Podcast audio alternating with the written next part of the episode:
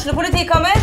Ine Jansen er purk. Er du purk? The motherfucking bitch. Alt jeg vil, er å finne ut hva som skjedde med mannen min. Jon Carew. Er jeg sikta for noe? Iben Akeli. Det er du. Ole So, Lars Berrum og Big Daddy Karsten. Hvem sin side er du på, egentlig? Anette Hoff, Tone Danielsen, Kommer du fra Afrika? Jørnis Josef, Nesten. Kløfta. Trond Espen Seim, Det er synd å si det, men det var feil mann som døde. Purk. Premiere tirsdag på TV2 Play. Preik med Vilde Aurora i en podkast produsert av Haugesunds Avis. Jeg er Vilde Aurora, og i denne podkasten snakker jeg med folk fra Haugalandet. Hallo, ja. Hei nå. Ja, Danmark ringer igjen. Ja, Ja. jeg vil bare minne om Danmarks fantastiske utvalg. Ja, ikke sant? Hvordan er kjøttbulleutvalget, da? Søtt. Kjøttbulle, ja. Du vet, Jeg handler jo på Eurocash i Sverige, så der er jo egentlig utvalget helt perfekt for meg. Så jeg tror egentlig vi kan runde av her. Ha det godt, da! Hej hej. Bra försök Danmark, men vi i Eurocash vet att Sverige är Norges bästa granne. Veckans erbjudande är Jarlsberg för endast 69,85 per kilo. Eurocash, riktigt bra mat och wow, vad billigt! Karita Rasmussen er 36 år og mamma til fem barn. Og hun har opplevd å få fødselsdepresjon to ganger. Det skjedde den første gangen hun fødte, og med barn nummer fem. Jeg griner veldig mye, og jeg klarer liksom ikke å slutte å grine. Og jeg vet det er noen som heter barseltårer, men dette her var så mye mer enn det. Um, og jeg sitter og har han på brystet mitt, og jeg føler en enorm takknemlighet for at det, det har gått bra med han. Og jeg, jeg føler kjærlighet til han, men allikevel så følte jeg meg så ulykkelig. Ehm, ja, og ting ble ganske svart ganske fort. Hos Norsk helseinformatikk kan du lese mer om fødselsdepresjon. Det er ikke sikkert hva det er som er årsaken til at noen får fødselsdepresjon, og det kan være en kombinasjon av flere ting. Arv kan f.eks. påvirke, og et raskt fall i nivå av hormoner etter fødselen kan også bidra til utviklingen av det, men også tidligere depresjoner og følelsen av liten støtte og andre vanskelige livshendelser kan bidra. Fødselsdepresjon kan også oppstå uten risikofaktorer. Vi har ikke sikre tall på hvor mange i Norge som opplever en fødselsdepresjon, men i USA rapporterer de om at dette rammer én av sju kvinner etter fødsel. Nå skal Carita få fortelle hvordan det var for henne, og hun starter historien litt før hun blir gravid med nummer fem. Preik med Vilde Aurora.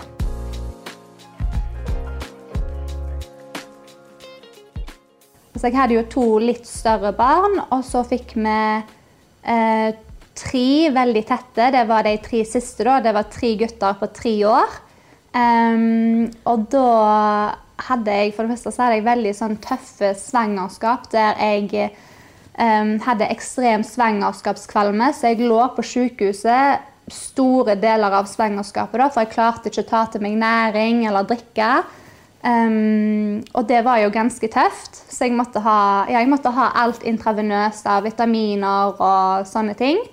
Um, og så, når jeg da ble gravid med nummer fire, um, så lå jeg jo som sagt først på sykehuset fordi at jeg var så dårlig. Og så i uke 24 så begynte fødselen. Um, og da ble jeg sendt til Stavanger på sykehuset, og da måtte jeg ligge i senga der uh, i ja, litt over en måned eh, før jeg fikk lov til å komme hjem, da, for da var det trygt for Haugesund sykehus å ta imot babyen. Så da fikk jeg en baby altfor tidlig. Det var da nummer fire. Eh, men det gikk jo bra. Men vi var på sykehus kjempe, ja, var på sykehus ganske lenge.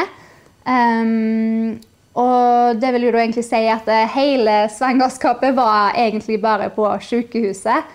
Um, ja, og det var jo ganske tøft. Og så hadde han en del utfordringer da når han ble født. Eh, og så ble vi jo ganske kjapt gravide med nummer fem. Det kom som en veldig stor overraskelse. Um, og da fikk jeg jo det samme tøffe svangerskapet igjen. Der jeg lå på sykehus og måtte ha næring intravenøst og var vekke fra familien min. De kom jo på besøk, men det er jo ikke det samme som å være med de hele tida. Um, ja, og så skjedde det samme med nummer fem. Fødselen begynte i uke 24, og jeg ble sendt til Stavanger igjen i luftambulanse.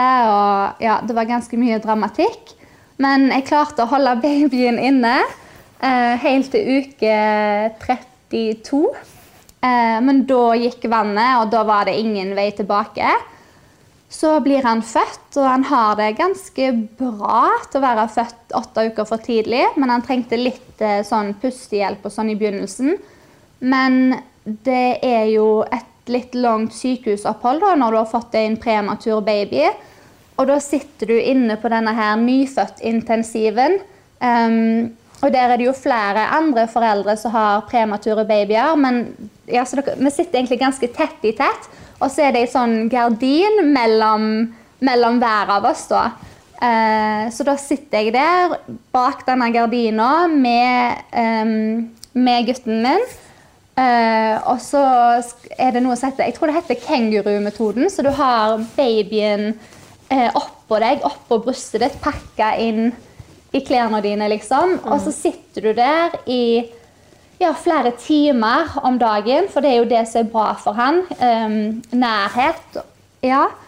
Uh, og mens jeg satt der, så lengta jeg jo forferdelig hjem til de andre. Uh, for da hadde jeg jo to litt større unger og en gutt på to og en gutt på ett. Og ja, et hjem å ta meg av. Men samtidig så trengte denne uh, siste mannen meg ja, ganske mye.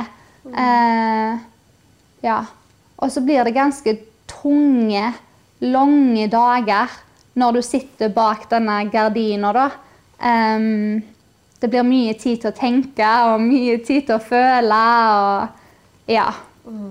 Mm, og det var vel når jeg satt der bak denne gardina, at jeg kjente at det var noe som ikke stemte. Hvordan oppdager du at det er noe som ikke er sånn som det skal? Uh, jeg har jo andre fødsler eller andre ja, barseltider å sammenligne med. Og så vet jeg jo at ingen av de heller har vært like.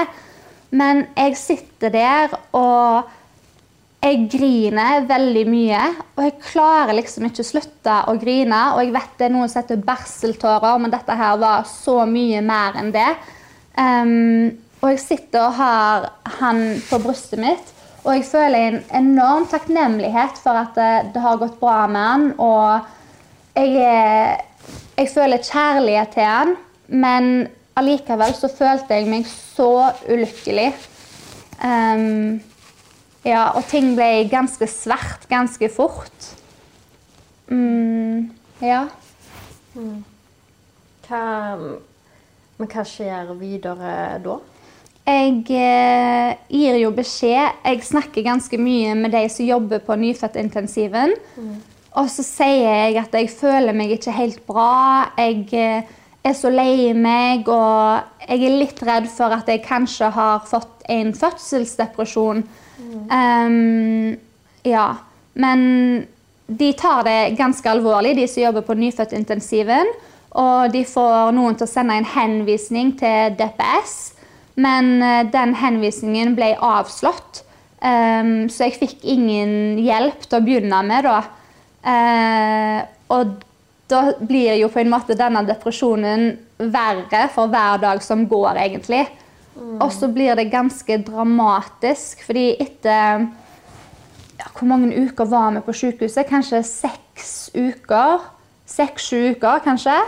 Um, og så kommer vi hjem, og samme dag som jeg kommer hjem med han, og vi skal begynne hverdagen hjemme, så blir jeg kjempesyk. Jeg får 41 i feber og føler meg så dårlig. Um, jeg sitter og skjelver. Paracet hjelper ikke. Og mannen min kjører meg til legevakten, og der bare kollapser jeg fullstendig. Jeg besvimer, jeg får kramper. Eh, og blir kjørt i ambulanse, full fart til sykehuset.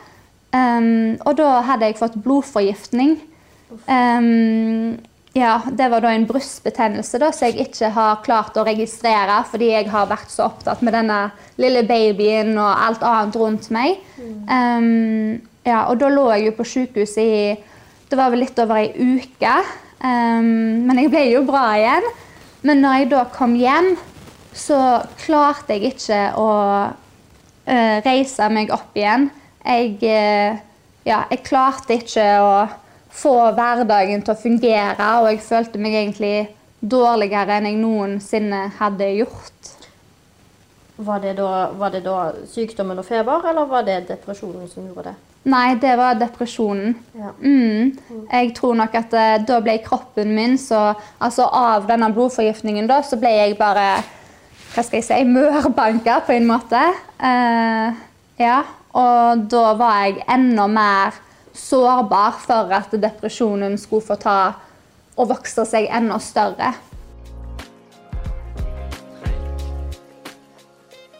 Jeg sa jo innledningsvis at du fikk fødselsdepresjon når du fødte førstemann. Mm. Kan du si noe om hvordan var disse to eh, opplevelsene sammenlignet? Eh, de var litt forskjellige, da. Fordi når jeg fikk førstemann, så fikk jeg babyen på brystet. Og så hadde jeg jo hørt om at å, du får babyen på brystet, og så liksom er alt helt perfekt, og du er verdens mest lykkeligste person. og eh, ja, altså Det skulle bare være et fantastisk øyeblikk. Um, og så får jeg babyen på brystet, og så føles det bare så feil. Um, jeg føler Det er ganske fælt å si dette her, men jeg følte ingen uh, lykke. Jeg følte ingen kjærlighet overfor uh, han. Um, og jeg ville egentlig bare at noen skulle ta han av At noen skulle ta han av meg med, med en gang. Jeg ville ikke, jeg ville ikke ha han. Um, og dette var første ungen din. Mm. Så det ble kanskje ikke helt sånn som du hadde forventa da? Nei, det gjorde jo ikke det. Uh, og da husker jeg at jeg, jeg prøvde å formidle at uh, det var noe som føltes feil. Liksom. Hvorfor føler jeg meg sånn som dette? Hvorfor, ja, hvorfor føles det sånn? Dette er jo ikke rett. Mm. Um, og da skjønte jeg ikke Jeg skjønte jo ikke da at det var en fødselsdepresjon, for jeg hadde ikke hatt det før. sant? Jeg hadde knapt nok hørt om det. Um, og jeg prøvde å formidle til helsesøster at åh, dette, liksom, hva er det som er gale? Det er noe som ikke stemmer. Jeg, ja, jeg, jeg er ikke glad i denne babyen her. Eller det føles ut som jeg ikke er glad i han. Um, samtidig som jeg tok vare på han hele veien. Sant? For jeg visste jo at det, det, er jo det jeg skal gjøre. Jeg må gjøre det, selv om jeg ikke føler meg så knytta til han. Mm. Um, men uh, når jeg prøvde å ta det opp med helsesøster, og sånn, så ble det bare Jeg fikk vel egentlig beskjed om at uh, jeg måtte tenke positivt, uh, ta meg sammen og se på denne flotte babyen. Og jeg hadde så mye å være takknemlig og glad for, og jeg måtte bare fokusere på jeg måtte fokusere på det. Um, ja. ja. Prøvde du det? jeg prøvde. jeg gjorde det. Uh, men jeg fikk det jo ikke til. Um, mm. Og da ble det jo kobla inn en psykolog etter hvert. Og da fikk jeg jo bekrefta at dette er en fødselsdepresjon, og det er ikke noe farlig, og det kommer til å gå over. Um, ja. Gjorde det det? Det gjorde det, men eh, det tok vel Jeg tror faktisk jeg husker ganske nøyaktig at det gikk et år. fordi at det, eh, det var vel rundt den tida han skulle ha bursdagen sin og bli et år, at jeg står på badet, og så steller jeg han. Og så følte jeg at eh, Herlighet, jeg elsker denne ungen, liksom. Jeg Ja. Um, og det var første gang jeg følte på det.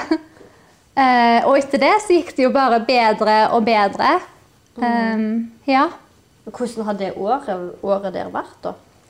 Nei, det var jo tøft. Um, og jeg vet egentlig ikke om jeg Jeg hadde jo eh, mamma da, og søstera mi som hjalp meg masse.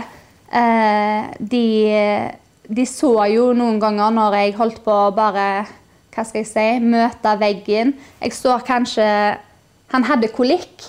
Eh, og han grein og grein og grein og grein nesten ustoppelig de første månedene.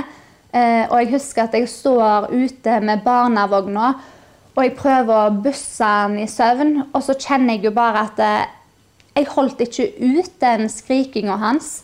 Det var en helt forferdelig følelse, for jeg visste jo at han kunne ikke noe for at han skriker. Han har det vondt, og jeg ville trøste han. Jeg bare fikk det ikke til. Eh, og da kjenner jeg at jeg står og begynner å riste barnevogna ganske hardt.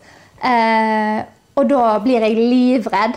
Og da slipper jeg barnevogna, og jeg går inn og jeg sier til det var søstera mi da, at eh, vet du hva, nå, nå skjedde det noe kjempeskummelt. Jeg må ha en pause. Jeg eh, klarer ikke dette her. Du må bare ta over. Og da kom jo hun ut og tok over barnevogna, og jeg fikk roa meg ned. og ja. Men det var en del sånne fæle opplevelser som det, da.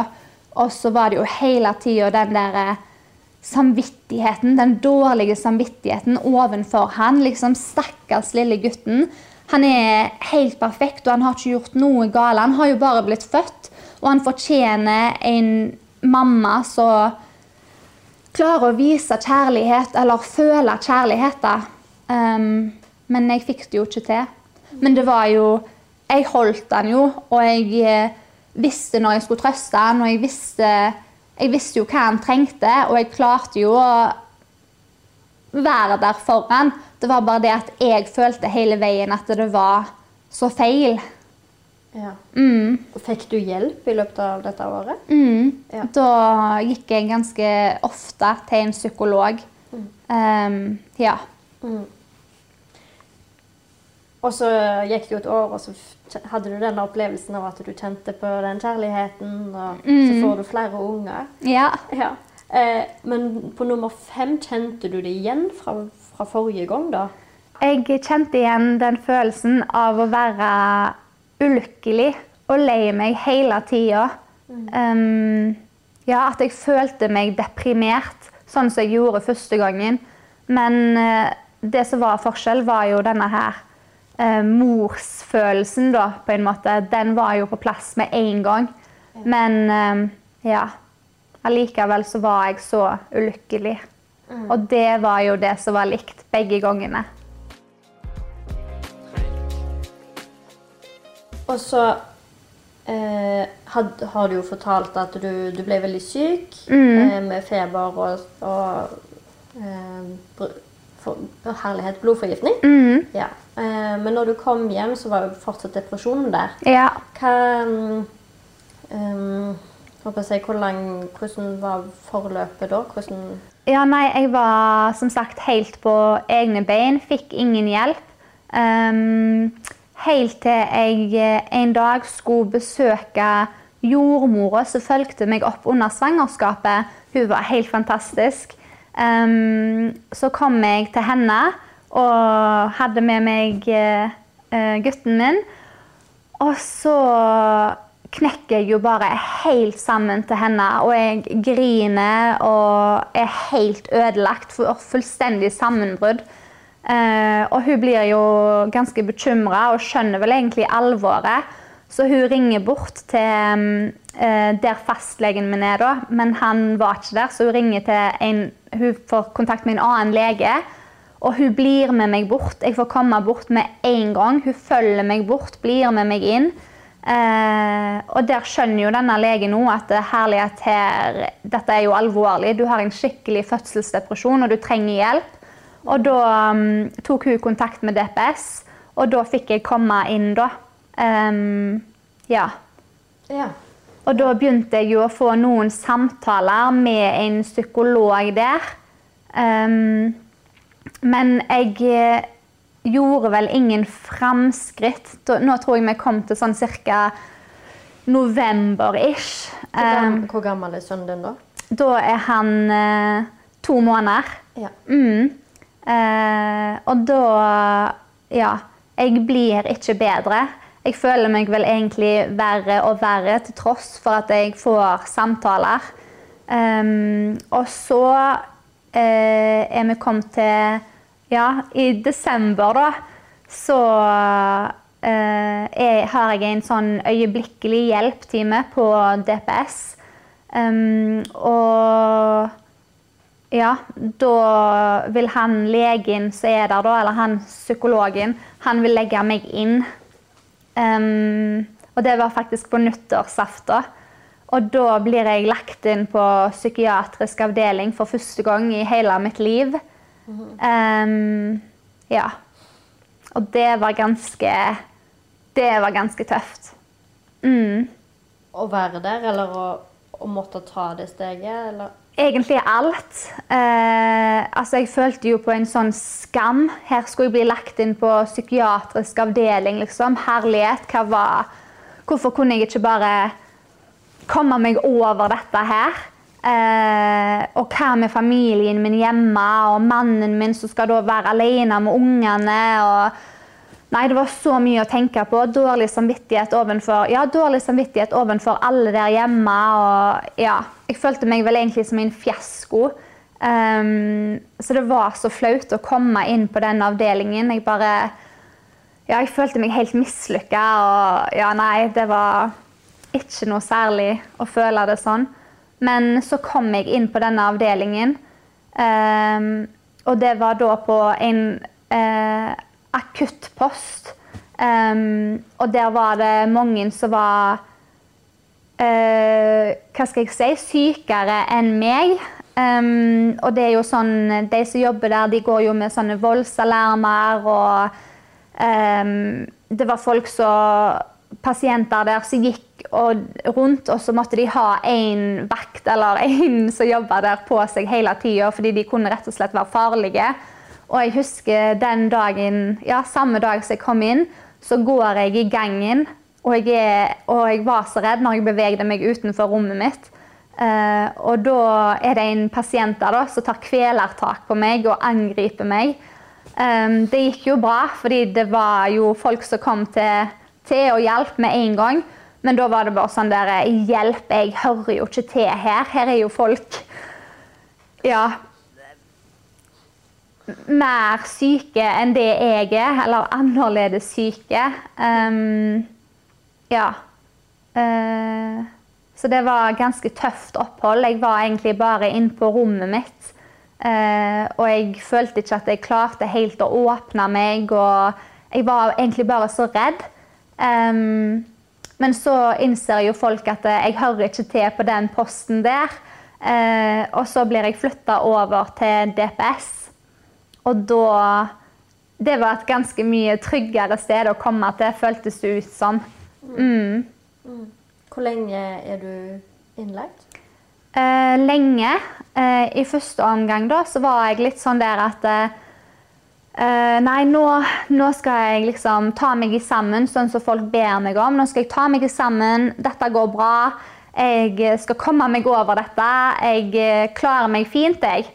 Så Eh, og jeg vil bare være hjemme med babyen min og resten av familien. Så etter ganske kort tid så skriver jeg meg vel sjøl ut. Um, og det ble jo godtatt. da. Jeg ble anbefalt å være, men uh, jeg hadde jo lov til å skrive meg sjøl ut. Uh, men det går jo Det går ganske kort tid før jeg skjønner at ok, nei, det var ikke bare til å ta seg sammen. Altså, det går ikke, dette her. Og da ble jeg lagt inn igjen. Og da snakker vi måneder. Um, jeg var sikkert innlagt fra ja, mars til i hvert fall juni. Altså, det, det var lenge. Mm. Og etter det lengste oppholdet så var det sånn inn og ut og inn og ut flere ganger, da. Eh, over en periode på faktisk to år. Ok. Mm. Ja.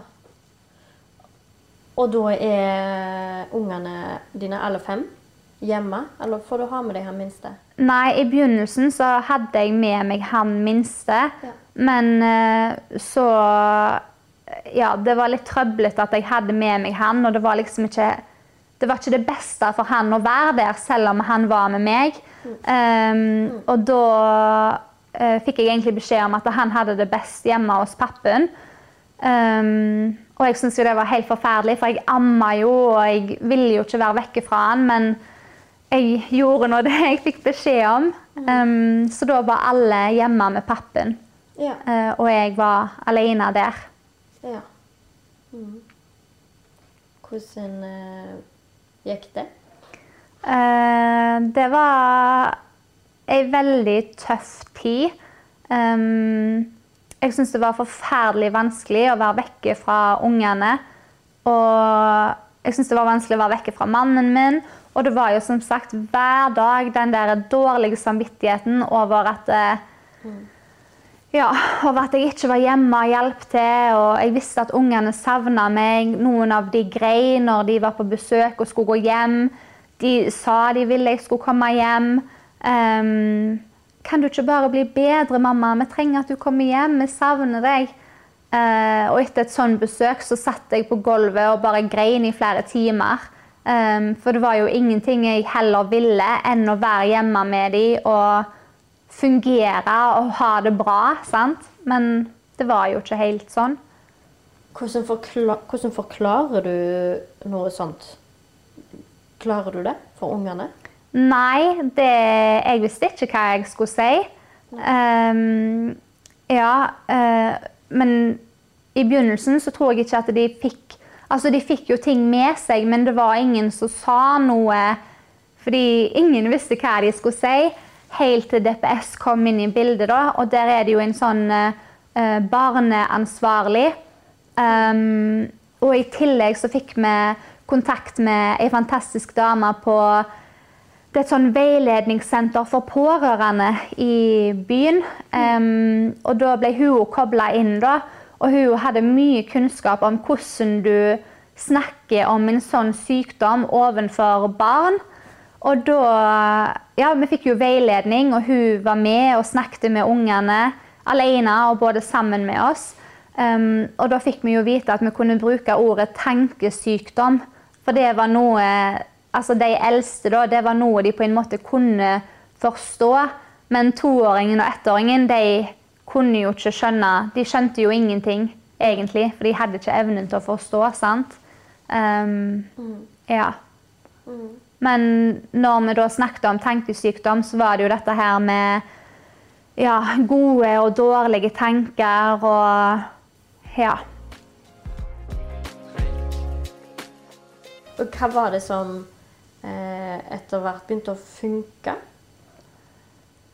Um, ja, det ble jo prøvd en del ting, da. Ehm, jeg var litt sånn jeg, føl, jeg var ikke akkurat forsøkskanin, fordi det var jo blitt prøvd før. Alt det som ble prøvd for meg.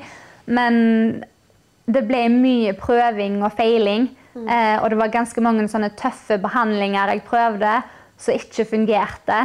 Um, ja. Eh, blant annet så var jeg på sykehuset og fikk noe som heter ECT. Eh, det, da blir du lagt i narkose, og så er det noe sånn slags elektrosjokk mot hjernen, da. Um, ja, og så skal liksom dette her Jeg vet faktisk ikke helt hva det skulle gjøre. Det skulle i hvert fall få meg til å føle meg bedre. Um, og veldig mange som prøver det, blir bedre av den behandlingen. Men jeg, jeg ble ikke det. Jeg prøvde det tolv ganger. Og det eneste jeg oppnådde, var vel egentlig at jeg mista så mye av hukommelsen min. Det er en bivirkning, da. Eh, men Var det noe som funka? Eh, altså, det funka jo ikke, men jeg, fikk, jeg gikk jo i samtaleterapi. Ehm, ja, og, og det Jeg vet ikke om det bare begynte å funke etter hvert, men jeg fikk jo òg medisiner da, etter hvert. Og det tror jeg var det som begynte å funke for meg. Ja. Um, ja. Når var det du begynte å kjenne at det ga slipp? Det var vel først sommeren 2019. Ja. Ja. Og da er Da hadde jeg Ja, da er han blitt Nå må jeg nesten tenke her. Eh, det er rett før han blir to år. Ja. Mm. Og da den eldste? Bare som har eh, Han eldste er da Å gud, jeg klarer ikke å tenke. Jo, han eldste er da ti år. Han eldste er ti, og han andre er snart to. Ja. Ja. Mm. Og hva er det som skjer da, eh, det er sommeren 2019? Um, altså, da har jeg et opphold på her på DPS igjen. Ehm, jeg tror jeg var der i to uker. Uh, og så Det var da jeg begynte på noen nye medisiner, da. Ehm, for var, jeg hadde prøvd medisiner før henne, men ikke funnet noen som funka. Men da ble det funnet ut at ok, vi prøver denne typen her òg, bare for å se hva vi har med å tape. Um, og da begynte jeg å merke ganske kjapt at dette her ja, var noe jeg følte kanskje virka. For jeg begynte å bare Jeg vet ikke, jeg følte meg litt lettere. Um, jeg grein mindre.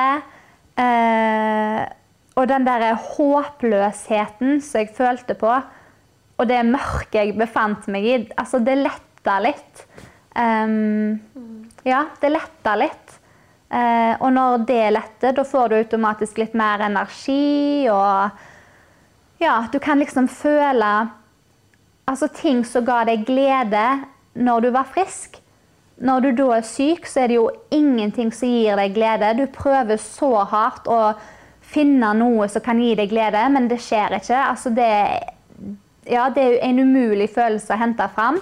Men når jeg begynte på de medisinene, så merka jeg at jeg Altså, jeg kunne spise et godt stykke kake, liksom. Og så var det bare sånn Å, herlighet, denne kaka var helt nydelig. Og så følte jeg meg litt sånn Åh, altså, så glad jeg ble av denne kaka. Kanskje et litt dumt eksempel, men liksom sånne småting i hverdagen som du ikke tenker over, men ja. Så jeg plutselig bare ja, kunne finne glede i. Mm. Mm. Eh, hvordan har du det, du og ungene? Hvordan er dere, deres forhold nå? Nå i dag? Eh, nei, nå er det veldig bra. Um, ja. Eh, altså, de husker jo den tida der jeg var innlagt. Um, de eldste, da. De husker det jo. Men det er ikke noe sånn som de tenker på um, i hverdagen. Men det kan jo komme opp. Altså, hvis det er en dag der jeg er lei meg eller sliten eller noe, så særlig i begynnelsen etter Altså da i 2019, da, i begynnelsen etter jeg kom hjem, um, så var de litt sånn Å nei, mamma, du er lei deg. Skal du på DPS igjen, sant? Eller er du syk igjen, mamma? Um, ja, men det, det avtok jo ganske kjapt. De ble jo bare De ble ganske fort trygge på at OK, nå er mamma bedre. Uh, og hun er hjemme hos oss og skal være hjemme hos oss. Har du noen råd til noen som måtte oppleve det samme som deg? Jeg tror det viktigste er vel egentlig at du ikke må være redd for å snakke om det.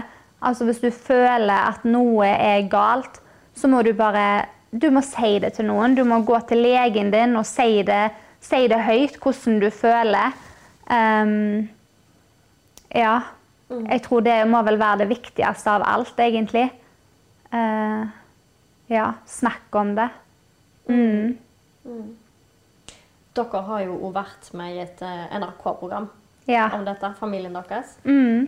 Eh, apropos snakke om det. Ja. Der eh, eh, sier dere det egentlig til hele Norge, da. Ja. Hva, hvordan har det vært? Eh, det var jo en opplevelse i seg sjøl, egentlig. Ehm, vi, ja, vi ble jo spurt om å være med på dette programmet, og da hadde vi jo et sånn familie... Altså, hva skal jeg kalle det? Familiemøte? Familieråd. ehm, der vi satt og snakket om det, da. Eh, men alle var egentlig veldig positive til å være med i programmet. Ehm, og jeg spurte de jo om liksom, syns dere dette er flaut. At, det, at da kommer det fram at mamma er litt annerledes, kanskje. Eller at Ja, syns dere det er flaut? Men det var ingen som syntes at det var flaut. Og da tenkte jeg at vet du hva, så bra, for det skal jo ikke være sånn at dette her skal være et flaut tema, egentlig. Um, og da var det ganske lett å si ja uh, til å bli med. Og ja, det var jo ja, som sagt, det var ganske interessant å ha et sånn lite filmteam som var hjemme i stua og filma og sånn, men jeg ble ganske kjapt vant med det òg. Um, og vi var jo veldig fornøyde med resultatet som kom på TV. Um, ja, og reaksjonene etterpå var jo bare jeg, jeg, var ikke forberedt på at fremmede folk skulle sende melding til meg eh, og ta kontakt med meg og sånn, og si liksom hvor fantastisk det var at jeg sto fram, og at andre mødre, da, um, som òg kanskje hadde tankesykdom, så det ble sagt på TV, at de følte seg mindre alene, og at det faktisk hadde hjulpet deres familie, fordi at de ikke visste hvordan de skulle snakke om det i deres hjem, men nå, nå kunne de bruke ordet tankesykdom, og det Ja. Um, ja, så det var Ja, nei, det var egentlig hele greia var en veldig positiv opplevelse. Uh, ja. Mm. Har du gjort det igjen? Ja, ja. det hadde jeg. Ja. Eller det hadde vi. Hele familien hadde gjort det igjen. Mm. Det, du, fikk, du, fikk, mye tilbakemeldinger etter dere var på NRK-programmet. Mm. Eh, men hvilke erfaringer har du med det å snakke høyt om dette og sammen med folk? Um, i, altså egentlig litt sånn blanda Eller Det har ikke vært så lett å snakke høyt om det. Mm. Fordi, fordi det var jo liksom folk mm. Sykepleiere eller helsesøstre som sa at jeg bare måtte ta meg sammen mm. og tenke positivt og ikke mm. fokusere på det negative og ja at ja. Og når de sa det, da følte jo jeg meg egentlig som en enda større fiasko på en måte. Fordi hvis det er så enkelt som de sier, så får jeg det jo ikke til. Og hva er da galt med meg som ikke får til å liksom hente fram det gode med å bare fokusere på det positive og sånne ting. Um, ja, så det var jo litt uh, Ja. Det var litt vanskelig å høre sånne ting, og den reaksjonen kunne jeg òg få blant venner. Mm. Um, ja. Og det var òg en del som trakk seg unna meg, da. Uh, venner og ja, venner som trakk seg tilbake. Kom aldri og besøkte meg når jeg var innlagt. Eh, sendte knapt inn melding. De bare ble fremmede, nesten. Um, og det tror jeg er litt fordi at eh, det er vanskelig å vite hvordan du skal reagere når noen står fram med en psykisk sykdom. Altså, Kommer du på sykehuset med en brukken fot eller eh, jeg vet ikke, av en fysisk årsak, da, så kommer jo de fleste på besøk og liksom ja, kommer med oppmuntringer til deg og sånn. Men jeg opplevde som sagt at når det var denne her psykiske sykdommen da, som plagde meg, så tror jeg ikke folk vet hva de skal si. Um, hvordan skal de hjelpe, på en måte? Og derfor så trekker de seg unna. Hvordan, uh, had, hvordan skal man hjelpe, da? Hva hadde funka for deg? Altså, I hvert fall ikke trekk deg unna.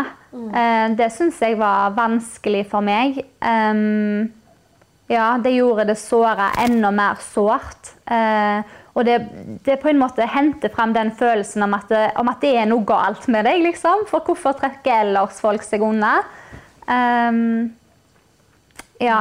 Men jeg tenker Er det noen rundt deg som står i en sånn situasjon, så bare prøv å være der for dem, liksom. Send en melding om at, eh, om at du tenker på personen, eller ja, går på besøk om de er innlagt, eller Ja, jeg, jeg vet ikke. Bare vær der. Um, du trenger ikke alltid å si så mye, liksom. Om en bare sitter sammen i stillhet for den saks skyld. Altså Ja. Være Vær der. Still opp. Uh, det kan òg være du kan nå vise liksom, omtanke med å hjelpe deg rundt personen som står i det vanskelige. Da, sant? Lage en middag til familien som er hjemme uten mammen sin, eller ja, sånne småting. Mm. Um, ja. Tusen takk for at du ville fortelle historien din, Karita. Bare hyggelig. Jeg håper noen hører dette og føler seg litt mindre alene, kanskje. Eller eh, får lyst til å hjelpe noen de kjenner, som kanskje går gjennom noe lignende. Mm, det håper jeg òg. Hvis du trenger noen å snakke med etter å ha hørt denne episoden, ta kontakt med legen din eller ring Mental Helse sin hjelpetelefon på 116 123.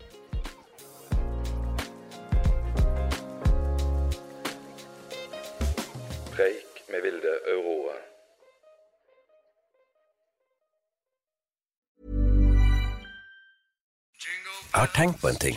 Hva da? På låven sitter jo nissen med sin julegrøt, sant? Så god og søt, så god og søt. Men hva har han betalt for den egentlig? Er nissen økonomisk fornuftig? Vel, han nikker han smiler og han er så glad, Og da er det jo mye som tyder på det, syns jeg. Ja, Godt poeng. Da har han nok vært på Ekstra. Og gjort det billig, ja. Dette er en luringen. Ja, for hos Ekstra får du gode tilbud på det du trenger til jul. Gjør julehandelen billig hos Ekstra.